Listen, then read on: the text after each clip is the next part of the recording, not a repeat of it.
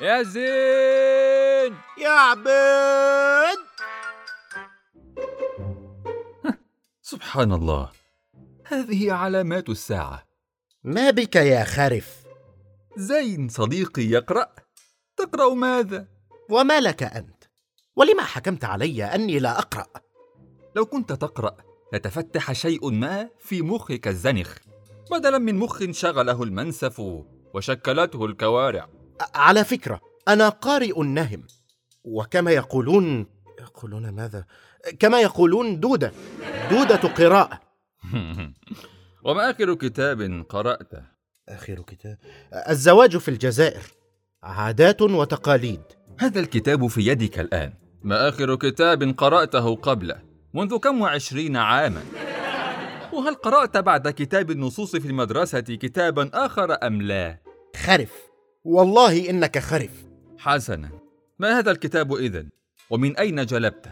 وجدته في جناح الجزائر بمعرض الكتاب.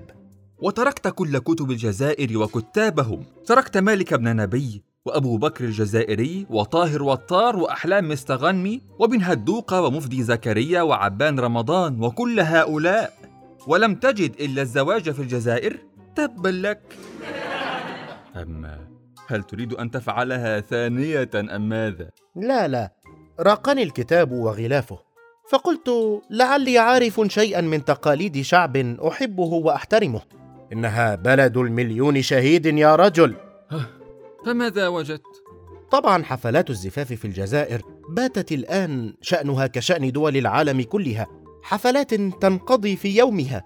ولكن هذا الكتاب به بعض التفاصيل عن عادات وتقاليد الزواج في الريف الجزائري. لا تأكل أذني مثل نافع وتقل لي تشلاط وتربيط وتصفيح وكل هذه المصطلحات. والله لقد أجهدني تذكرها فقط. فكيف يحفظها؟ الله أعلم. لا لا الموضوع سهل. في التقاليد الجزائرية المنتشرة في الريف بالذات تبدأ احتفالات الزواج قبل يومين أو ثلاثة من حفل الزفاف. وتضم هذه الاحتفالات ثلاثة أيام رئيسة.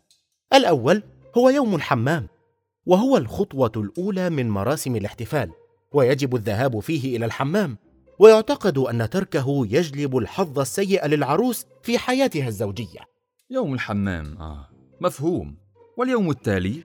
التالي هو يوم حنة الحبيب وهو احتفال خاص بالنساء ترسم فيه الحناء على شكل أزهار وزخارف تعني جلب الحظ وزيادة الخصوبة ولا يجب على العروس أن تقوم بالأعمال المنزلية حتى زوال الحناء.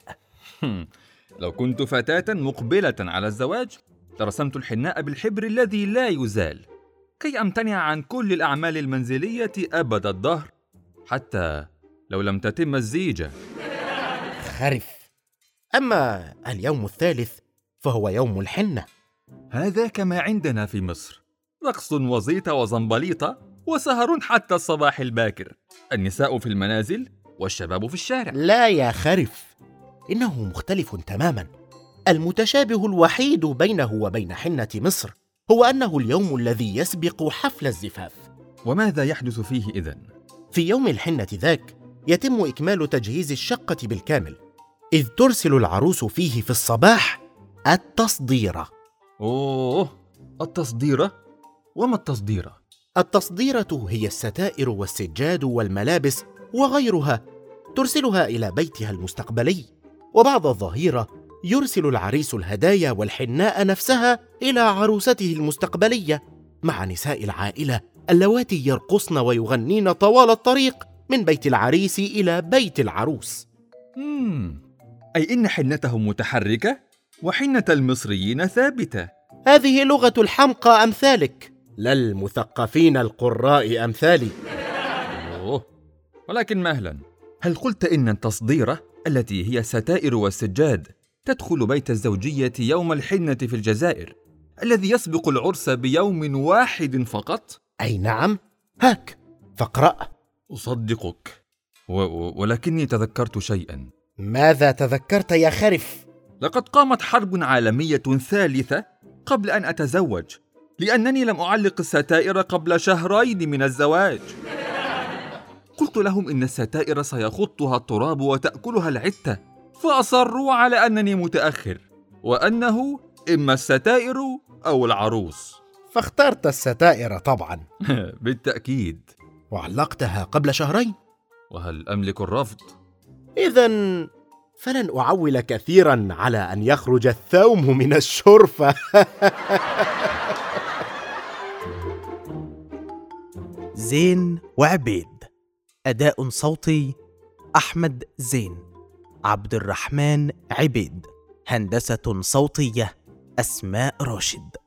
سيناريو وحوار وإخراج أحمد مجدي.